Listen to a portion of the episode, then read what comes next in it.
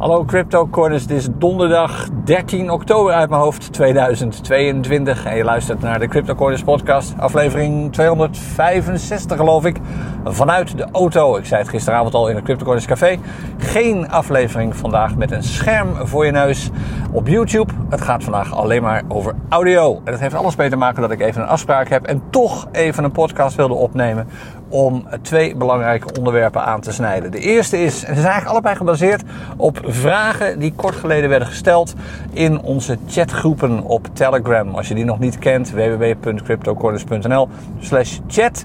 Wat je ook even kunt doen is naar www.cryptocorners.nl slash links gaan. Uh, links tegenovergestelde van rechts, want daar vind je een hoop links naar belangrijke websites en belangrijke kanalen van CryptoCoiners waar je terecht kunt. En toevallig komen op die pagina twee links voor waar we het over gaan hebben vandaag. Laten we even beginnen met de eerste vraag die werd gesteld. En daar komen eigenlijk altijd hele goede antwoorden op, maar er zijn nog wat alternatieven.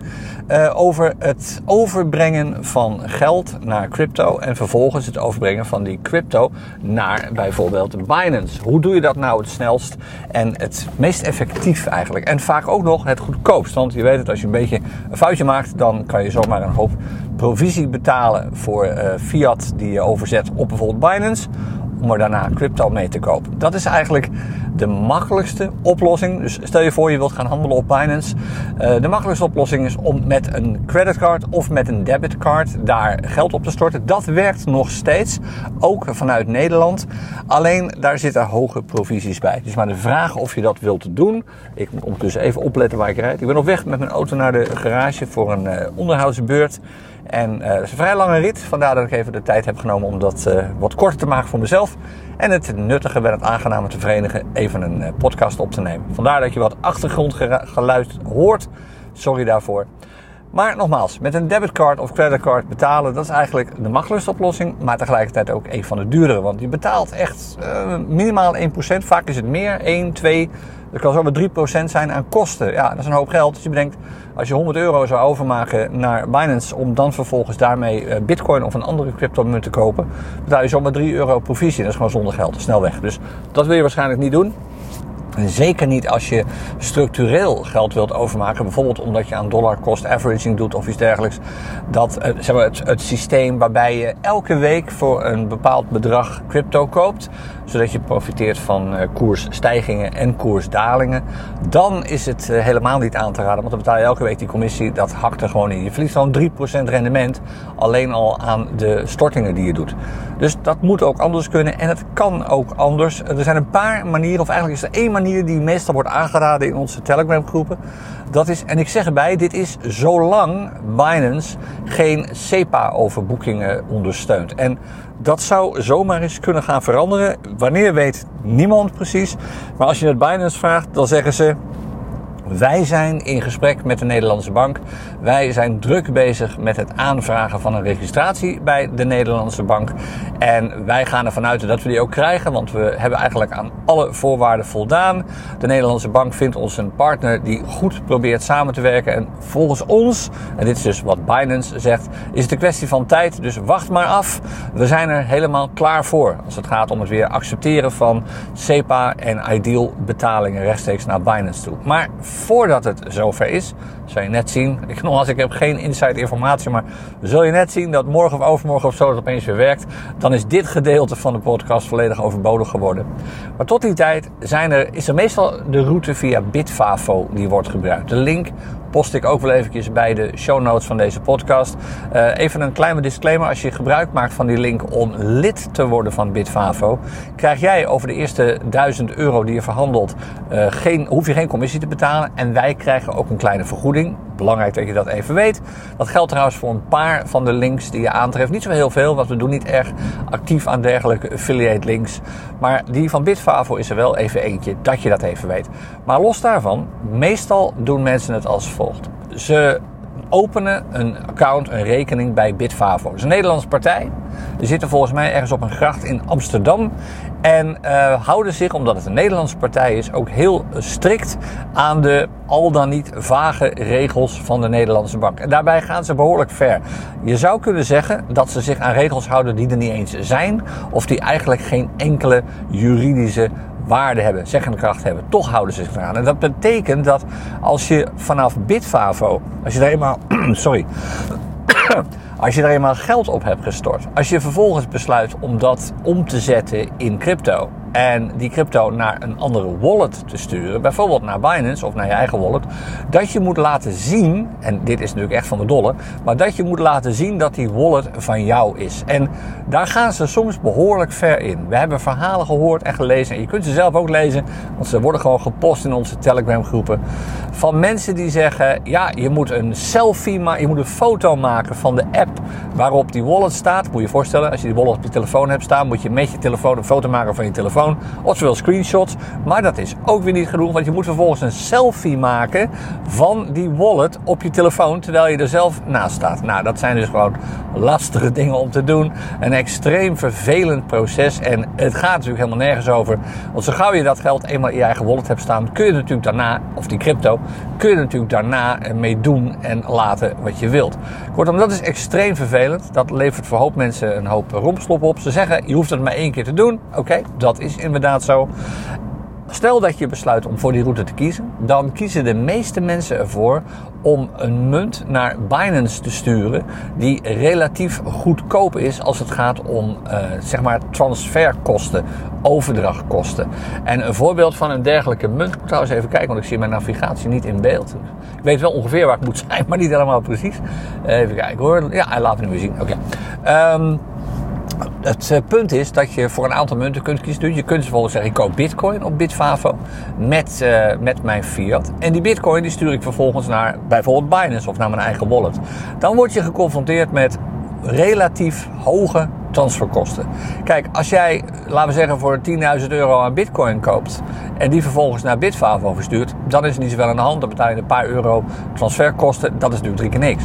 Verhoudingsgewijs. Maar als jij voor een tientje of voor 20, 30 euro aan bitcoin naar Bit, uh, van Bitfavo naar bijvoorbeeld Binance of je eigen wallet wil sturen, dan betaal je 3, 4 euro op dit ogenblik. En dat is misschien wel 10%. Dat is natuurlijk belachelijk hoog en dat is niet wat je wil doen.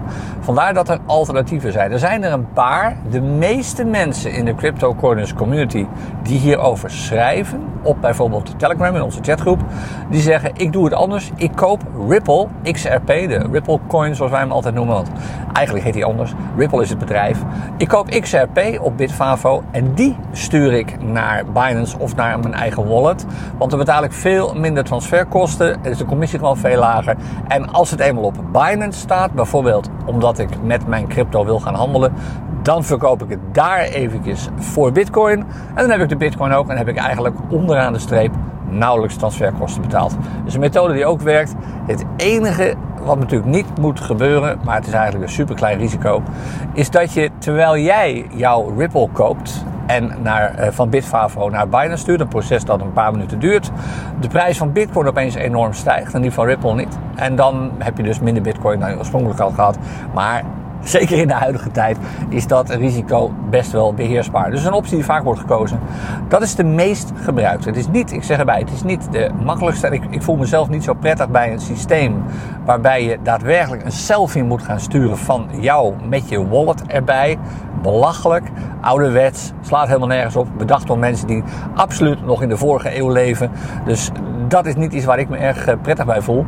Dus ik ben, zou eerder geneigd zijn als ik geld zou moeten versturen van mijn bankrekening naar Binance in de vorm van crypto, of om er dan met crypto mee aan de slag te gaan, dan zou ik op dit ogenblik voor een andere oplossing kiezen. En dat is de oplossing via een partij die je misschien wel kent, want we hebben het er al een aantal keer over gehad, ook bij CryptoCoiners.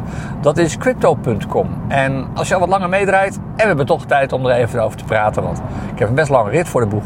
Um, Crypto.com is ooit begonnen als MC, of Monaco. Dat was de eerste naam, Monaco.com.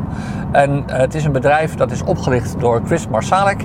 En hij heeft uh, ooit de visie gehad, jaren geleden, om zijn eigen Visa debitcard uit te geven. Waarbij hij zelf program manager wilde zijn. Dus zelf exact kon besluiten met welke partij hij wel of geen overeenkomsten zou sluiten. Dus niet zomaar een partnercard, uh, maar een echte zelf pro, uh, gemanagede Visa. Nou, dat is niet helemaal gelukt. Want opnieuw, uh, de centrale banken lagen, lagen vaak uh, dwars. Maar inmiddels heeft hij wel een bedrijf met een debitcard. Dat bedrijf heet niet meer Monaco. De munt die hij oorspronkelijk had om dit allemaal te sponsoren heette MCO. Misschien ken je dat nog. Die bestaat inmiddels niet meer. Het werd later de CRO van Crypto.com. En het is niet alleen een munt. Het is een beetje net als BNB nogmaals een beetje hoor. En een beetje net als Ether, een munt met een eigen blockchain. Dus het is een munt waar je eventueel andere, uh, of een, blockchain waar je eventueel andere munten op zou kunnen laten draaien in de vorm van smart contracts, decentralized apps enzovoort. Het komt niet helemaal van de grond, in ieder geval absoluut niet zo snel en niet zo agressief als dat bijvoorbeeld bij Binance gebeurt. Daar is de BNB blockchain echt behoorlijk, daar wordt heel veel gebeeld, zoals ze zeggen daar, hodl, maar dan biddel, dus B-U IDL. Dat gebeurt bij eh, crypto.com allemaal wat minder, in ieder geval wat minder zichtbaar. Maar ze hebben inmiddels wel een exchange opgetuigd, net als Binance. Ze hebben die blockchain, net als Binance.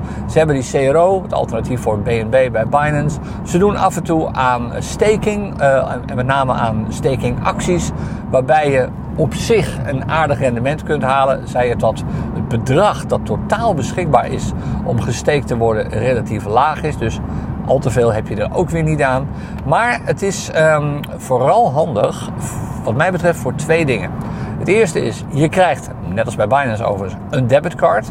Er zijn een aantal verschillende debitcards. Uh, het hangt er een beetje vanaf hoeveel CRO, dus hun munt, je bereid bent om vast te zetten. Hoe meer dat is, des te um, uitgebreider de opties die je krijgt met je debitcard. Uh, een voorbeeld, als je, ik weet niet precies wat de bedragen zijn, ik kan ze nu ook niet opzoeken, want het, ik zit in een auto nu. Maar als jij een behoorlijk bedrag aan CRO laat vastzetten voor een periode van minimaal zes maanden, dan krijg je bijvoorbeeld uh, kortingen op uh, een groot aantal diensten die, of producten die je koopt, cashback dus.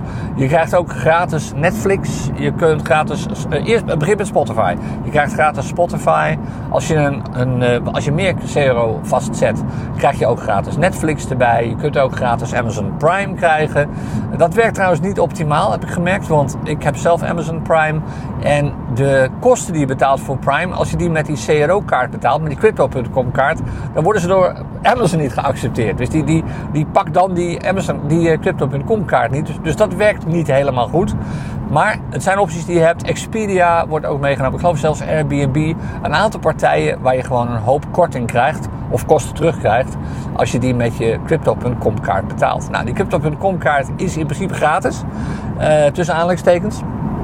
Want als je wilt hebben, moet je wel een bepaald bedrag aan CRO steken. Het zijn niet van die hele grote bedragen, maar het is een bedrag dat je in principe vast hebt staan. En als de prijs van CRO daalt, spoiler alert, dat heeft hij de afgelopen zes maanden gedaan, structureel gedaald. Volgens mij was hij op een gegeven moment 70 dollar cent. En nu is hij volgens mij nog maar 11 of zo. Dus hij is flink door de vloer gegaan. Zoals heel veel munten natuurlijk.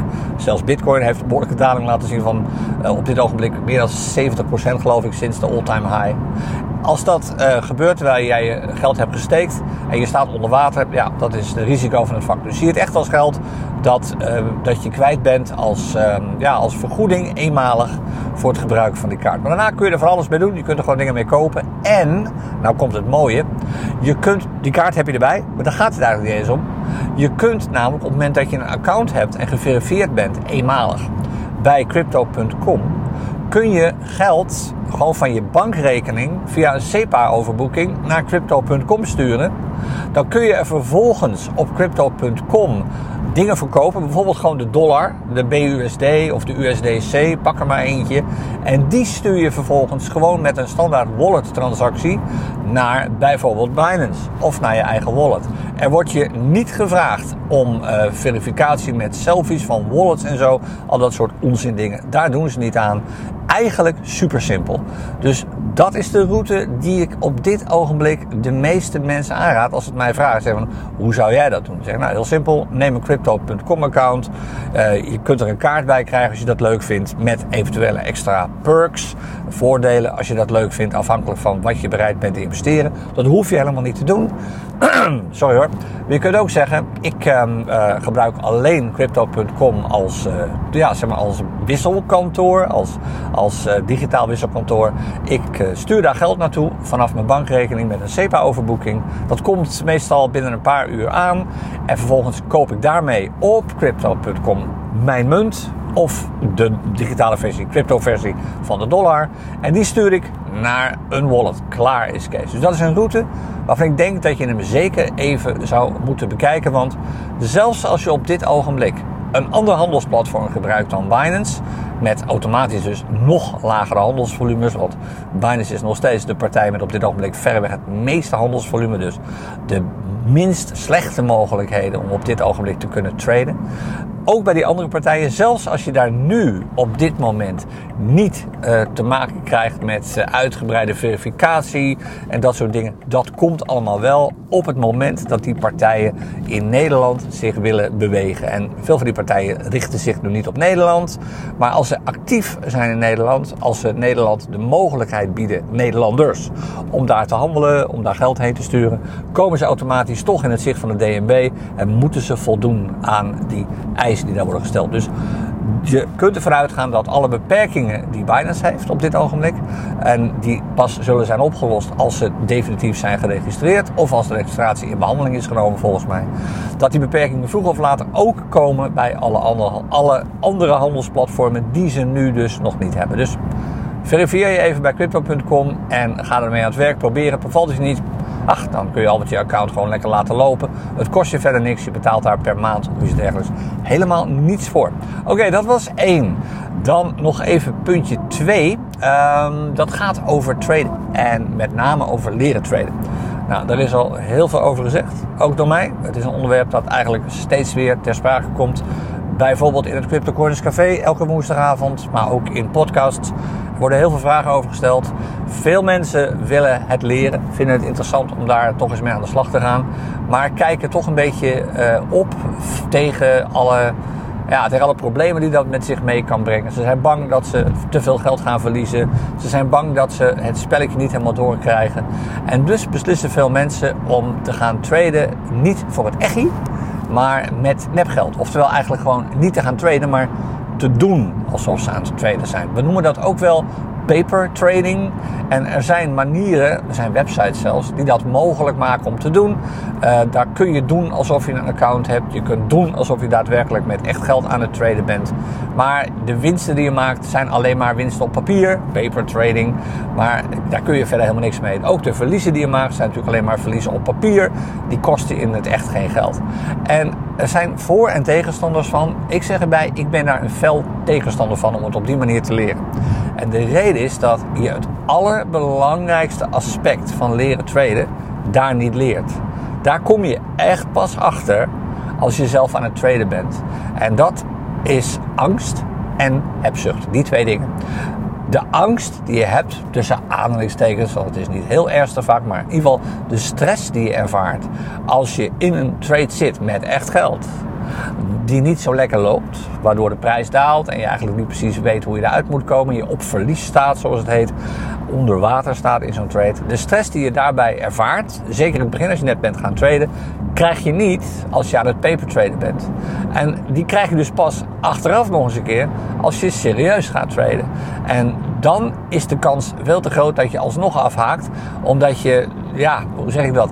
Je denkt gewoon bij jezelf van, ah, dit leer ik niet, hier kan ik niet mee omgaan, ik ben er met veel te veel geld ingestapt, dit had ik niet moeten doen, enzovoort. En de stress ontstaat trouwens ook de andere kant op, als je met echt geld aan het traden bent en je staat in de winst. Dan krijg je precies het tegenovergestelde. Dan, ik zal een voorbeeld geven, we hebben dat, ik weet niet of dat gisteravond was tijdens het café, ja, volgens mij wel.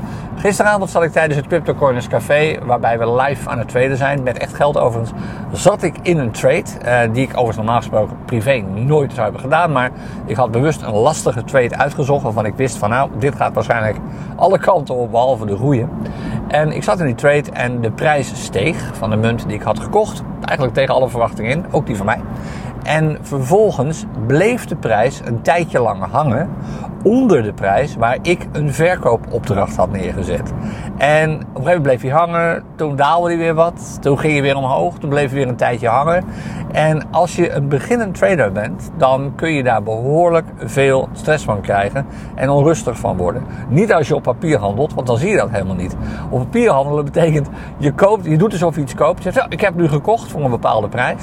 En vervolgens doe je alsof je iets verkoopt. Je zegt, nou als de prijs daarheen gaat, dan heb ik verkocht. Dan heb ik mijn winst gepakt. Terwijl in de praktijk vaak blijkt dat als je iets koopt of probeert te kopen, je niet altijd geleverd krijgt. Omdat er meer mensen zijn die een nummertje hebben getrokken. En die worden eerst bediend. Daarna stijgt de prijs. De prijs die jij maximaal bereid bent om ervoor te betalen, die wordt niet meer gehaald. De munt daalt niet meer in prijs.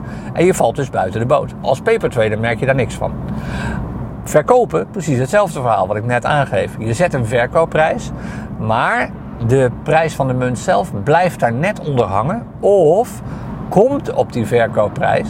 Als papertrader zeg je zo, trade is gelukt. Maar in de praktijk komt het vaak voor, zeker als je met relatief veel geld in zo'n trade zit, dat er eerst al een aantal mensen voor jou zijn die hun munten ook proberen te verkopen voor diezelfde verkoopprijs. En als eerste kunnen verkopen. En dan daalt de prijs alweer wat. Dus je zit maar te wachten. En er gebeurt niks en er gebeurt niks. En dat levert voor heel veel mensen juist ook weer stress op. Jeetje, wat moet ik nu doen? Zal ik dan toch de verkoopprijs maar lager zetten? Ik ga gewoon voor een één tik, zoals het heet, lagere verkoopprijs. En dan blijft de prijs daar weer onder hangen. Nou, dat levert een soort kettingreactie op. Waarbij je op een gegeven moment gefrustreerd raakt. En onderaan de streep, nogmaals, dit is de ervaring van veel beginnende traders. Lees maar eens mee in onze Telegram groepen. Onderaan de streep met een hele kleine winst verkoopt in plaats van een grotere. Of misschien zelfs met verlies uit zijn trade komt. Nou, dan besluiten mensen op een gegeven moment te zeggen: Weet je wat? Ik verkoop nu gewoon, uh, gewoon tegen elke prijs. Gewoon tegen de best mogelijke prijs. En dan doen ze dan via een market order, een market sell order. En dat betekent dat je vaak te maken krijgt met de prijs die daalt terwijl je aan het verkopen bent. En je krijgt dus voor een klein beetje van je coins de prijs die je wil. Voor de rest van de coins krijg je een veel lagere prijs, zodat je onderaan de streep ook weer een lagere winst pakt. Of misschien wel verlies pakt op je trade. Nou, dit gebeurt allemaal niet als je aan het paper traden bent. dit gebeurt alleen maar als je voor het echi aan het traden bent. En dit is een serieus probleem. Daar wil je eigenlijk vanaf dag 1 mee om kunnen gaan. Daar wil je vanaf dag 1 mee te maken hebben.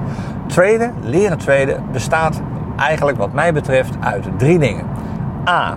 Je wilt een strategie hebben, een methode hebben, waarvan je weet dat die werkt. Nogmaals, niet elke trade lukt. Dat kan niet. Traden is geen zekere, zeker ding met een zekere positieve uitkomst.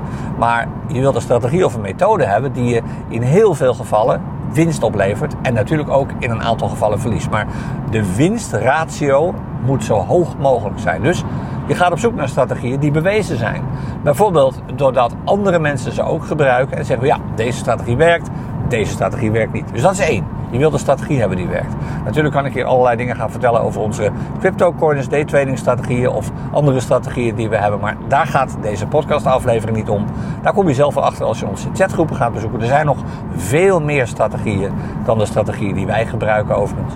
Maar dat is het eerste wat je wilt hebben. Een strategie. Dat je weet wat je moet doen. Dat je eigenlijk dat is misschien wel de belangrijkste reden om een strategie te hebben, consistent dezelfde dingen doet.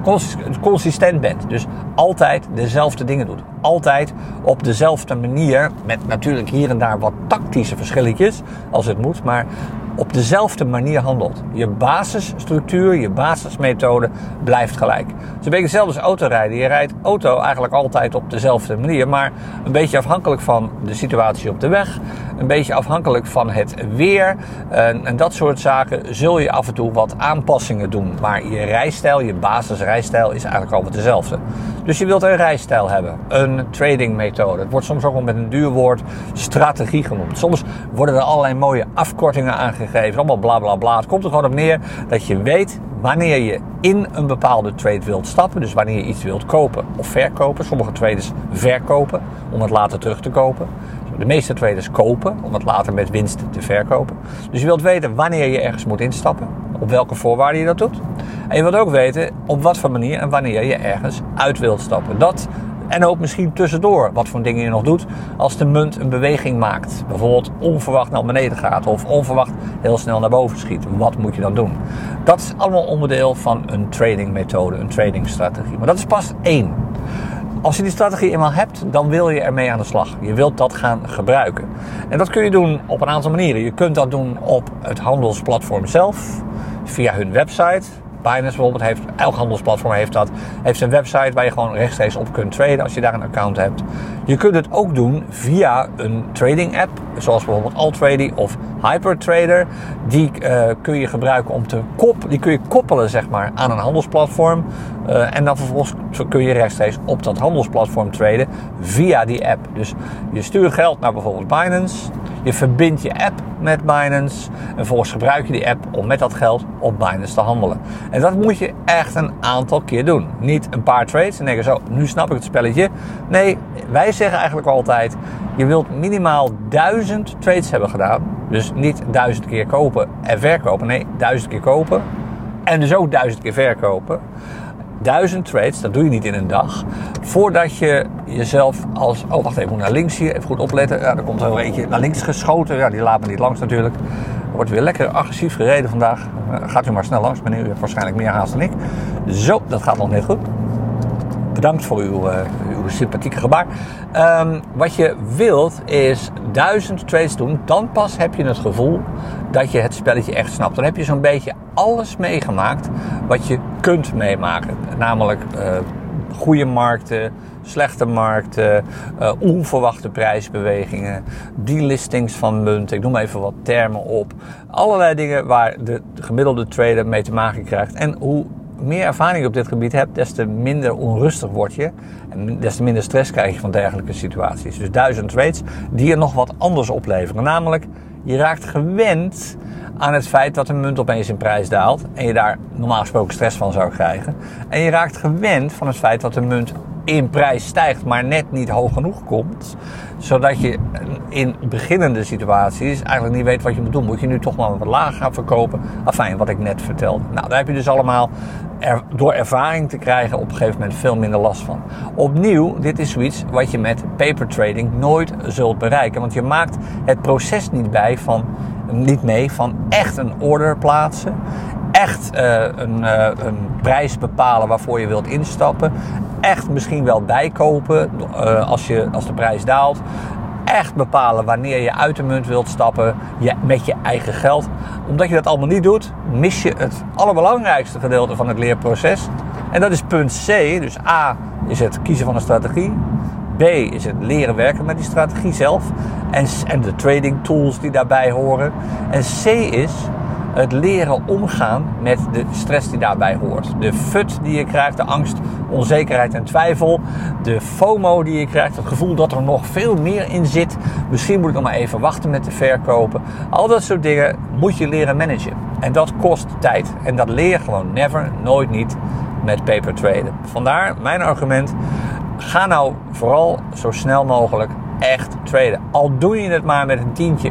Het belangrijkste is dat je ermee aan de slag gaat. En je zult merken dat traden met een tientje eigenlijk op precies dezelfde manier, nou op bijna precies dezelfde manier gaat als traden met 100 euro of met 1000 euro of met nog meer. Er is één verschil dat bijvoorbeeld op dit moment, als ik dit opneem, het is nu uit mijn hoofd 13 eh, oktober, ik heb geen, uh, geen uh, hoe noem je dat? Geen datum hier op mijn dashboard staan. En mijn telefoon ligt veilig weg. Dus ik, volgens mij is het 13e vandaag, 13 oktober 2022. En sinds ongeveer een maandje zijn de markten op alle handelsplatformen behoorlijk in slaap gevallen. Dat heeft natuurlijk alles te maken met de financiële crisis waar we in zitten. Je weet zelf hoe het gaat op dit ogenblik in de wereld. En met de wereldeconomie, dat merk je waarschijnlijk elke dag als je naar de supermarkt gaat. En dat heeft ook impact op wat er op handelsplatformen uh, gebeurt. De inflatie is hoog.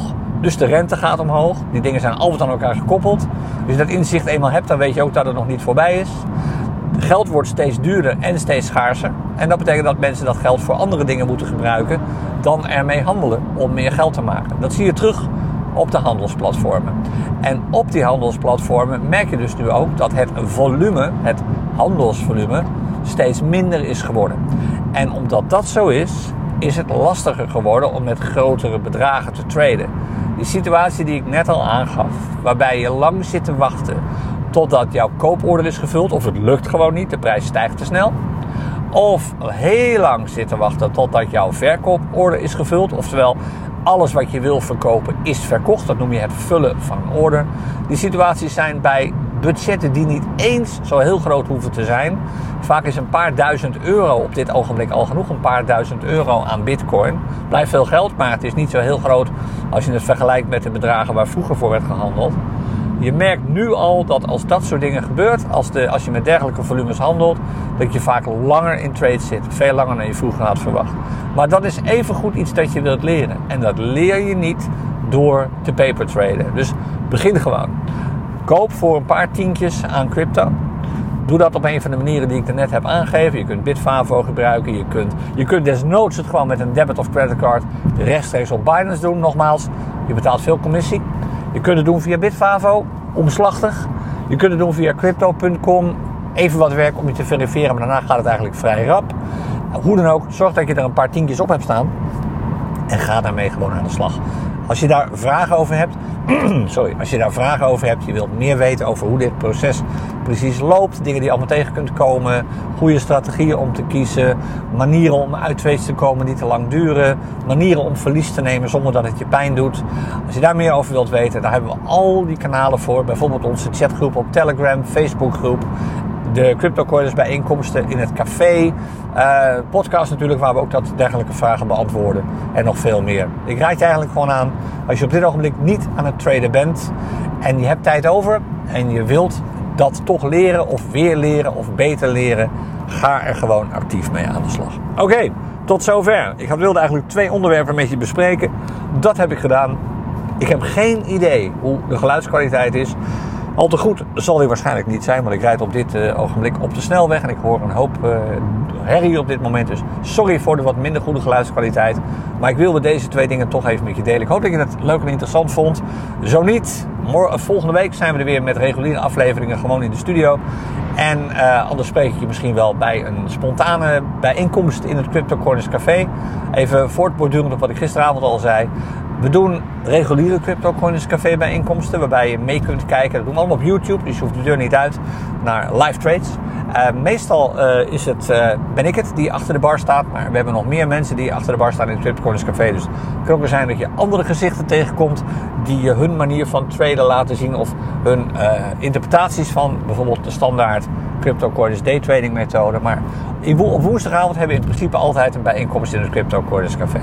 Maar dat is vast. Er zijn er nog meer. We doen ook spontane bijeenkomsten. Bijvoorbeeld opeens zomaar op een zaterdag. Of zomaar ergens op een doordeweekse avond. Als je het leuk vindt om die ook mee te maken en je wilt zeker weten dat je ze niet mist, dan wil je waarschijnlijk eventjes naar, uh, wil je even naar www.cryptocorners.nl slash YouTube. En je daar even abonneren op ons CryptoCorners kanaal. En even op dat belletje drukken, dan krijg je meldingen van YouTube als er weer een café-sessie komt. wat je ook kunt doen, is je even inschrijven voor onze CryptoCoiners nieuwsbrief. www.cryptocorners.nl slash nieuwsbrief. En um, dan sturen we je altijd een 20 minuten voordat er een spontane café-sessie is, ook even een mailtje. En dan kun je alsnog beslissen of je wel of niet zin hebt om even langs te komen virtueel. Het is altijd gezellig. Het is ook altijd gezellig druk. Uh, voorbeeld gisteravond waren we met, goh, ik geloof ongeveer 300 mensen of zo op het uh, grootste, op het maximum. Een paar weken geleden waren we zomaar met 500 man aanwezig. Uh, we doen eigenlijk altijd live trading. Soms doen we ook gewoon presentaties tussendoor van belangrijke onderwerpen die met crypto te maken hebben. Er is altijd de kans om vragen te stellen. Het is eigenlijk altijd super gezellig. Het duurt meestal langer dan ik van tevoren denk. Gisteren waren we ook weer bijna twee uur bezig. We beginnen vaak om half acht. Dus als je niks te doen hebt op bijvoorbeeld woensdagavond, kom dan gewoon om half acht eens naar het Crypto Coins Café.